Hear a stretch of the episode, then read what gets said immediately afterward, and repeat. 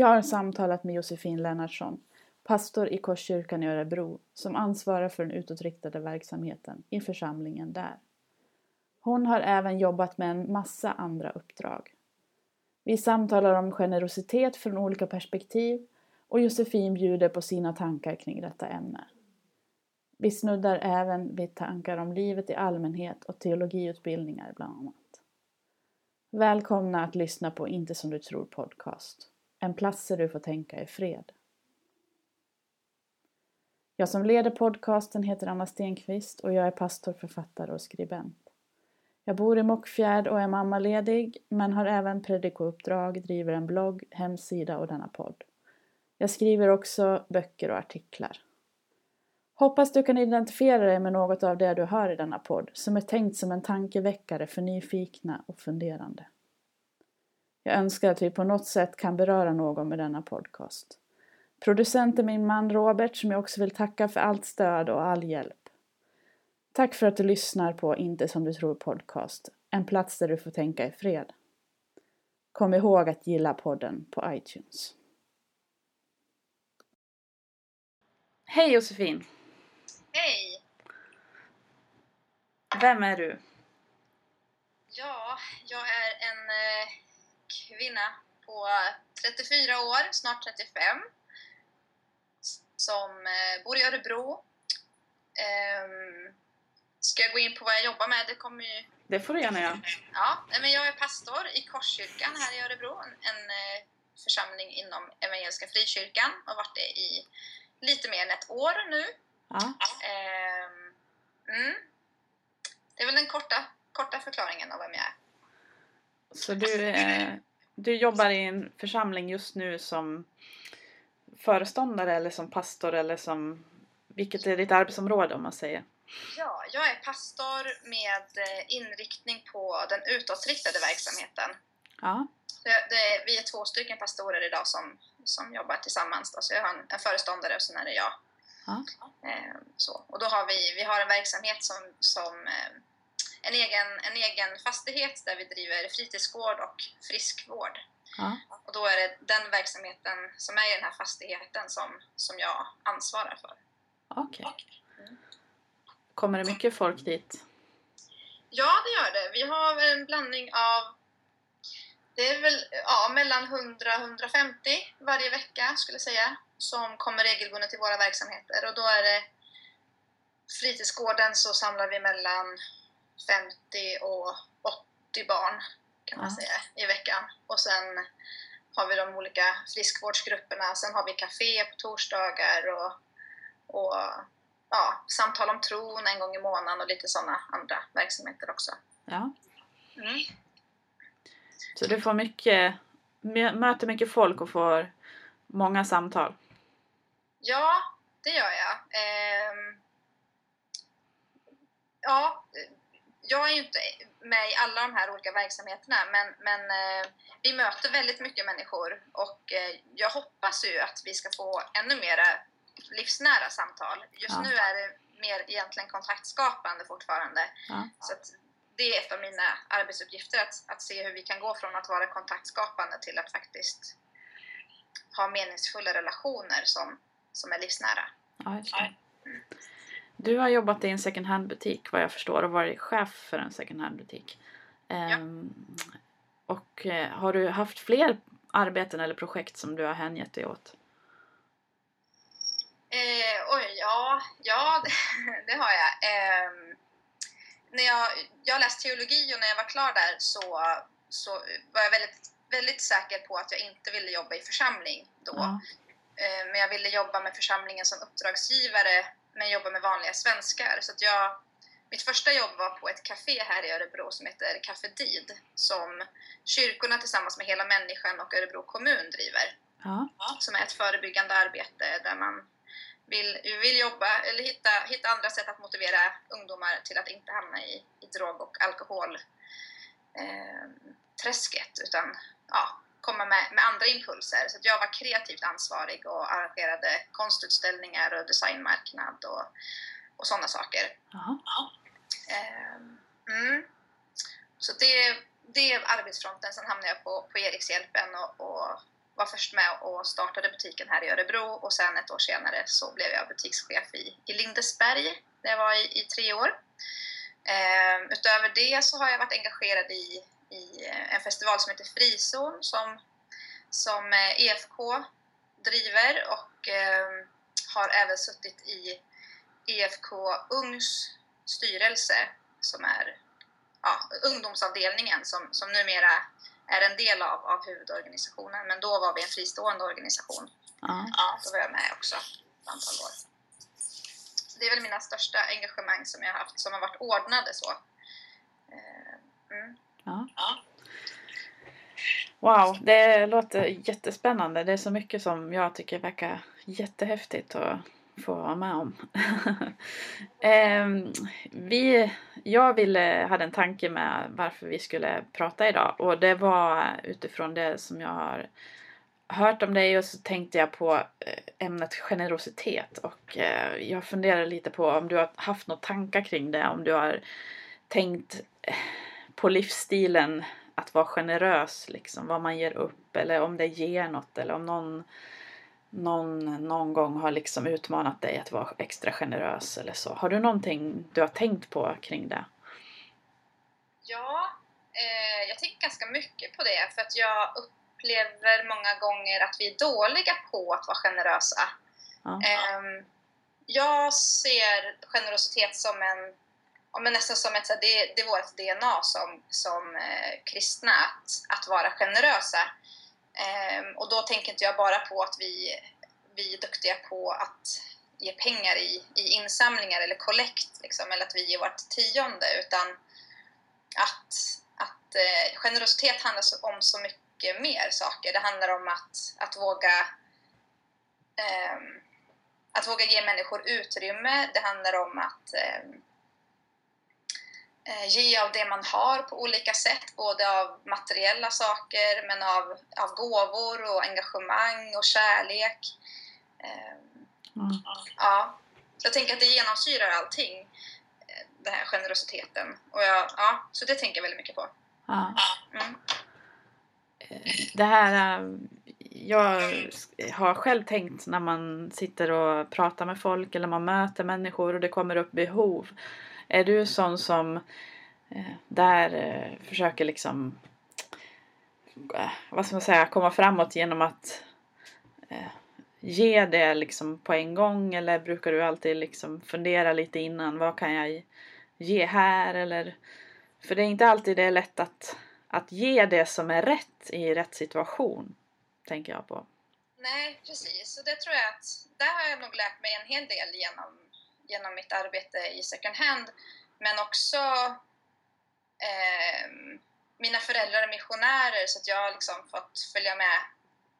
Jag har haft tre år i mitt, min barndom i, eh, i Liberia i Västafrika så att jag har fått se på nära håll hur förhållanden ser ut i andra länder och jag tänker att vi ganska ofta framförallt i Sverige så tänker vi så att ja, men mitt sätt som jag kan hjälpa till är genom att ge pengar till olika organisationer. Ja. Och det är mitt enda sätt som jag kan, kan hjälpa eller att jag ger pengar till en som sitter på, på gatan och, och tigger. Ja.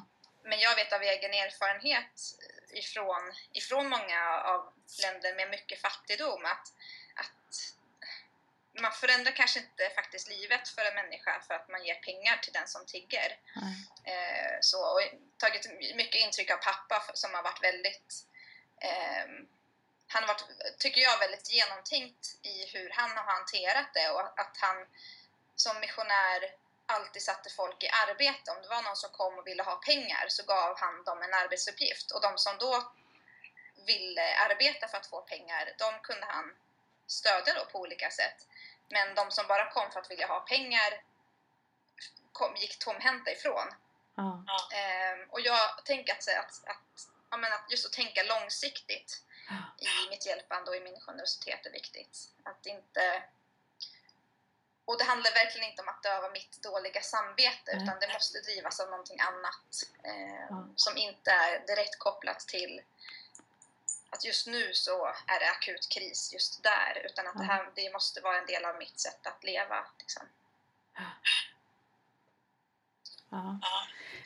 just det där med generositet är ju också att ibland ha en livsstil av givande, att vara någon som ger in i situationer istället för någon som eh, tar för sig eh, och tänker på sig själv. Ehm, har du känt någon gång att det har tagit emot att vara generös?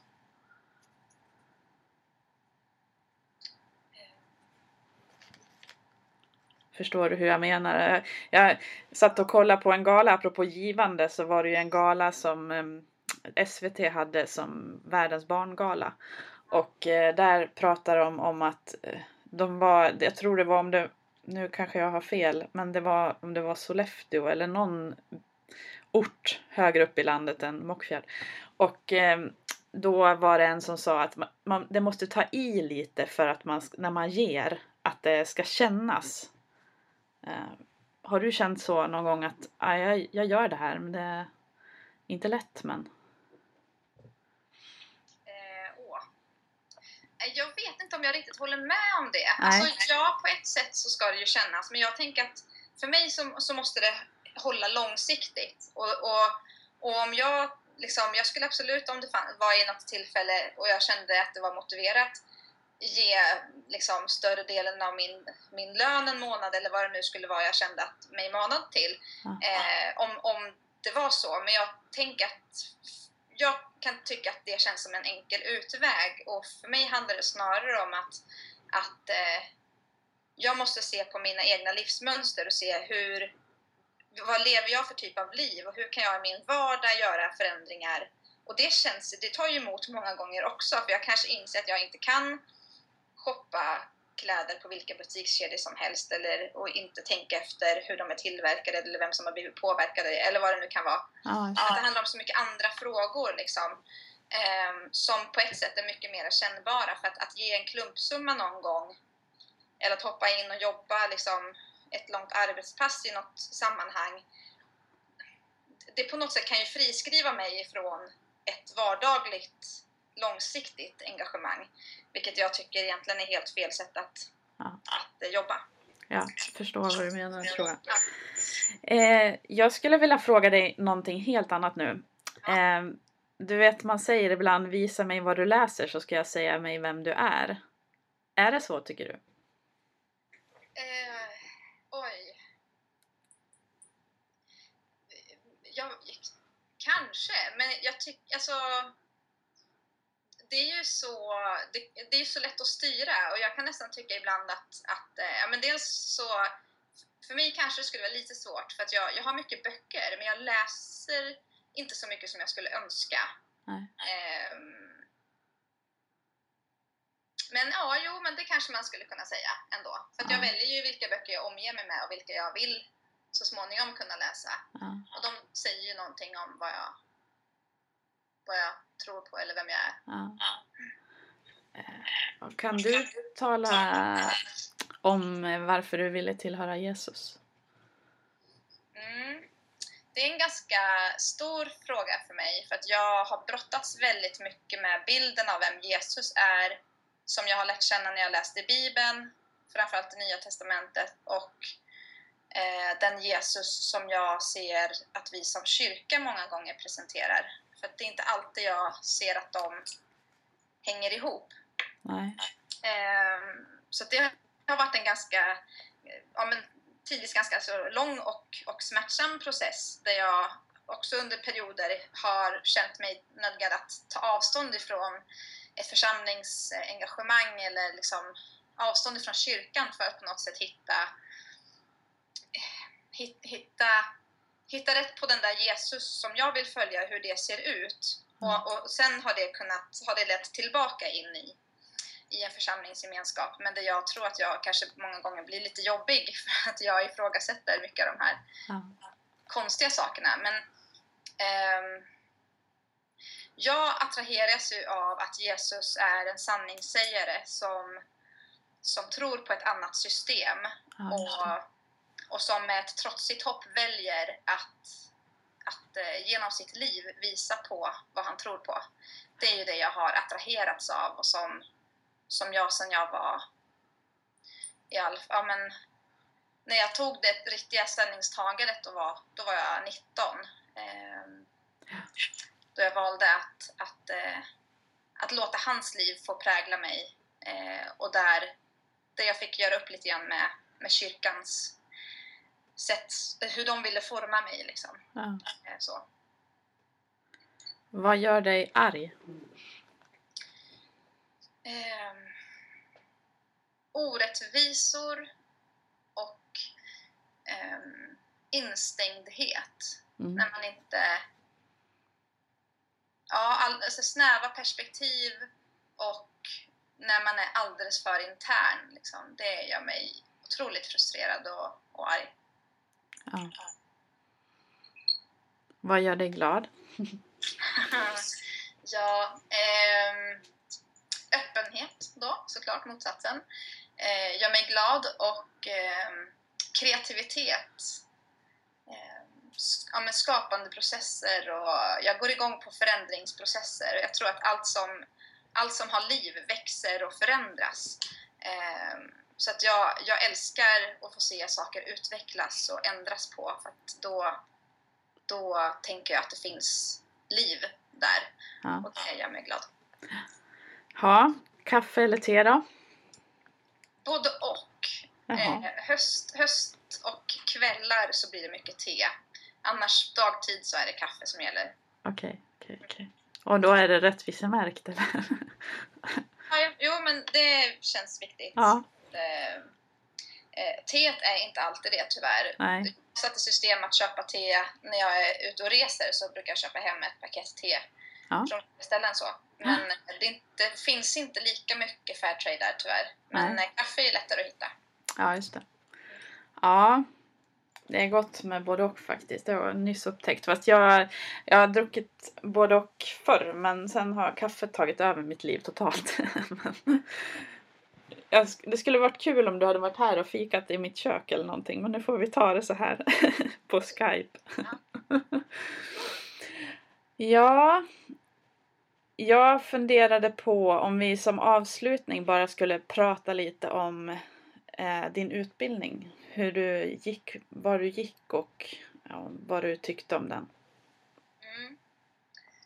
Ja, alltså jag, jag har en eh, ganska konst... Alltså jag, jag började... Först gick jag två stycken bibelskolor på folkhögskolenivå. Ehm, och sen hamnade jag in på något som heter PTS som var pingst, pingströrelsens pastorsutbildning.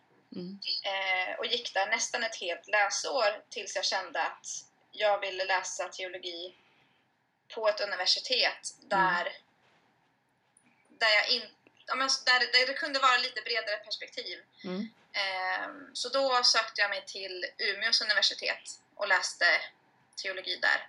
Ja. Ehm, och sen har jag även läst lite strökurser på, på Örebro teologiska högskola efter det. Ja. Så jag har, har blandat lite. Ja. Min examen är från Umeås universitet. Och ehm, i och med att jag i och med att jag visste, eller så här, i och med att det var på ett universitet och det ska vara vetenskapligt och liksom eh, ja men liksom det var ju det var ju liksom, det var en högskola, det var seriöst och så var det ganska så skönt att eh, ja, men få vara i den miljön där det inte förutsattes riktigt hur man skulle tänka och tro utan där jag fick lära mig att med vetenskapliga modeller eh, motivera och, och komma fram till vad jag tror och hur jag tror och, och sådär. Ehm, Så det är jag väldigt glad för att jag var i den miljön. Och sen hittade jag andra sammanhang runt om där jag också kunde få, få vara i närheten av en församling och, och, och lära mig de bitarna och träna i, i vilka gåvor jag har och hur, hur Gud vill använda dem och så. Ja. Men där, det var tydligt separerat för mig, Mm. liksom, de teologiska studierna och församlingskopplingen Ja. eller vad man ska kalla det. ja. Mm. Hur ser du på generositet och det här kollektivet kontra att läsa när man läser en, en utbildning och man är ganska, det blir ganska mycket att man eh, ägnar sig åt ett projekt liksom som är, man är själv i det. Mm. Ehm, Kände du att du klarade av den balansgången? Att det var liksom okej okay att, att läsa och, och fortsätta och liksom kämpa på för det. Men samtidigt så jag tänker att du, du sen då började jobba så tydliga projekt för senare då eller? Det var... Ja, alltså på ett sätt så tänker jag att teologi måste alltid utgå ifrån från mig och ifrån mina personliga erfarenheter och ifrån mitt, min, liksom, mitt liv med Gud. Så mm. på det sättet så tänker jag att det, att det är en naturlig utgångspunkt att, att börja där och, och, och, man blir inte, man, man kan, eller jag tänker i alla fall att det är omöjligt att läsa teologi utan att man blir berörd och på ett eller annat sätt hamnar i olika livskriser för att det mm. påverkar så mycket av allt man tror på och vad man ser, hur man ser på, på livet eh, med Gud.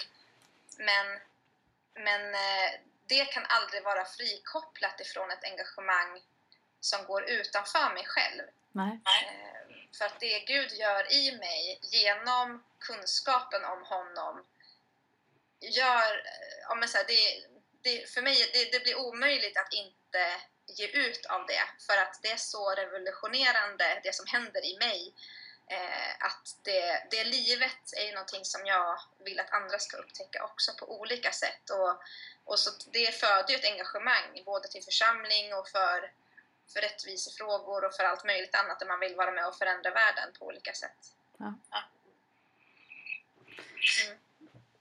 Det är jätteintressant att prata om det här. Jag tyckte det var jättekul att höra bara det här som du kan formulera bra också som handlar om att, att man, ehm, ja, man brottas ju och det kommer liksom utmaningar hela tiden. Jag läste vidare och um, läste efter två bibelskoleår, två år på SALT då. Um, och um, upplevde det som otroligt frustrerande att inte kunna uttrycka sin tro längre med samma språk som man var van. Och jag var ju eh, uppvuxen i en icke-troende familj. Eh, och min pappa är psykolog och min mamma läkare och man var akademisk men man, man liksom, det här att föra in akademin inom ja, inom tron blev väldigt frustrerande för mig. Um, Eh, dessutom så var jag ju precis i en fas när min mamma hade gått bort. Eh, så jag var säkert inte världens mest eh, känslomässigt stabila människa just då. Ehm, så jag var nog väldigt duktig som klarade två år ändå. Ehm, men jag tycker att ehm, det, det jag lärde mig, det var otroligt viktiga saker. Men det finns saker jag önskar skulle fortsätta. Och jag har hört också att den utbildningen som ALT som fortsätter nu efter SALT, att de är noga med mentorskap, noga med själavård och så vidare. Ja. Um, um, jag tror att det är viktigt att inte ta på sig för stora kläder för att uh, när man har utbildning på distans som jag gick Eh, så är det svårt att fånga upp en människa som bor någon helt annanstans och som reser runt halva landet för att utbilda sig. Ehm, och eh, jag tror att eh, den akademiska biten är enormt viktig men man får inte vara för hård mot sina elever tänker jag i, den, i det forumet när det är kristet. Um, och den akademiska världen är ganska tuff. Jag har vänner som har doktorerat och så så jag vet att det kan vara riktigt tufft. Men man får inte vara för tuff inom den svensk, liksom, svenska kristenheten när man talar om tron. För det är något helt annat, tänker jag.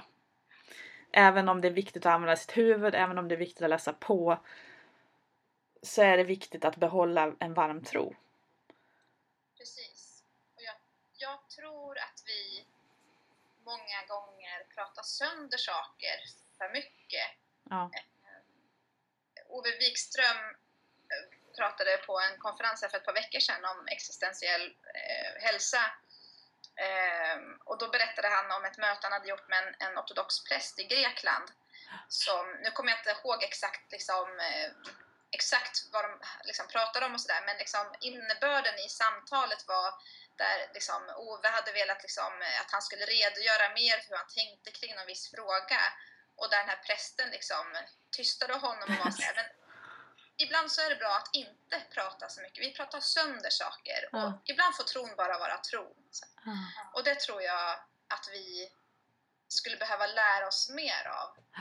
Att få vara lite barnsliga och eh, inte alltid behöva motivera allting hur, alltså, så korrekt som möjligt. Så. Och, eh, för mig var det väldigt viktigt att ska jag läsa teologi eh, så är det för att kunna möta andra människor med det jag lär mig. Och då är det viktigt att ha ett språk som vanliga människor förstår. Och ska jag använda de akademiska termerna på, på det jag tror på så är det inte en människa, i alla fall inte av vanliga liksom, klassiska svenskar, som skulle förstå vad jag pratar om. Eh, och knappt att ens att folk i församlingen förstår vad jag pratar om. Nej. Så för mig är det jätteviktigt att, att liksom brotta ner alla de här orden och förstå vad betyder de och vad innebär de i mitt liv och hur kan Mm. jag, hur kan jag förmedla det till andra människor så att det Mm. blir eh, så att det blir tillgängligt för Mm. andra människor också. Mm. Så, det är ju det som är vår historia, liksom, att läsa om alla de här äh, människorna som har funnits i kyrkohistorien och, var, här, och där all, all teologi, där all praktik, allting liksom, ytterst sett grundas i ett möte med Gud liksom, och där det har revolutionerat människors liv och, och hur, de vill, hur de vill leva och, och hur de uttrycker sig. Och det har sen plockats in i system och teorier och i en massa andra saker. Men allting grundar sig ändå i att någon har mött, mött Gud och det har, gjort, det, har varit, det har lett till en förvandling av det, den människans liv. Och det tycker jag är väldigt intressant. Och det känner jag själv så att det är det vi måste drivas av. Att, att allt det vi gör. Och för mig handlar ju det jättemycket om i generositeten också. Att, att om inte det vi gör faktiskt leder till förvandlade liv, till förvandlade omständigheter så är det egentligen bara någon slags ytlig ja, men nästan lite så här samvetsdödande liksom, Mm. där vi kan dämpa vårt eget dåliga samvete men vi gör ju faktiskt inte en verklig skillnad liksom. Nej. Eh, och, och det känns jätteviktigt att faktiskt ja, att det handlar faktiskt om att, att människor går under för att de inte har ett hopp om sitt liv och sin framtid. Mm. Och, och det, kan vi, det kan vi hjälpa dem att hitta. Mm. Tack så jättemycket Josefin. Ja, tack för att jag fick vara med. Ja, det har varit jättekul Ja, att få höra allt det som du ändå går och bär på i ditt hjärta. Ja. Ehm, så då får jag tacka dig. tackar. Kärleken ger aldrig upp. Kärleken bryr sig mer om andra än sig själv. Kärleken vill inte åt det den inte har. Kärleken spänner sig inte. Kärleken gör sig inte märkvärdig. Den tränger sig inte på. Den tränger sig inte före. Den håller inte på att gå upp i limningen. Den håller inte räkning på andras fel.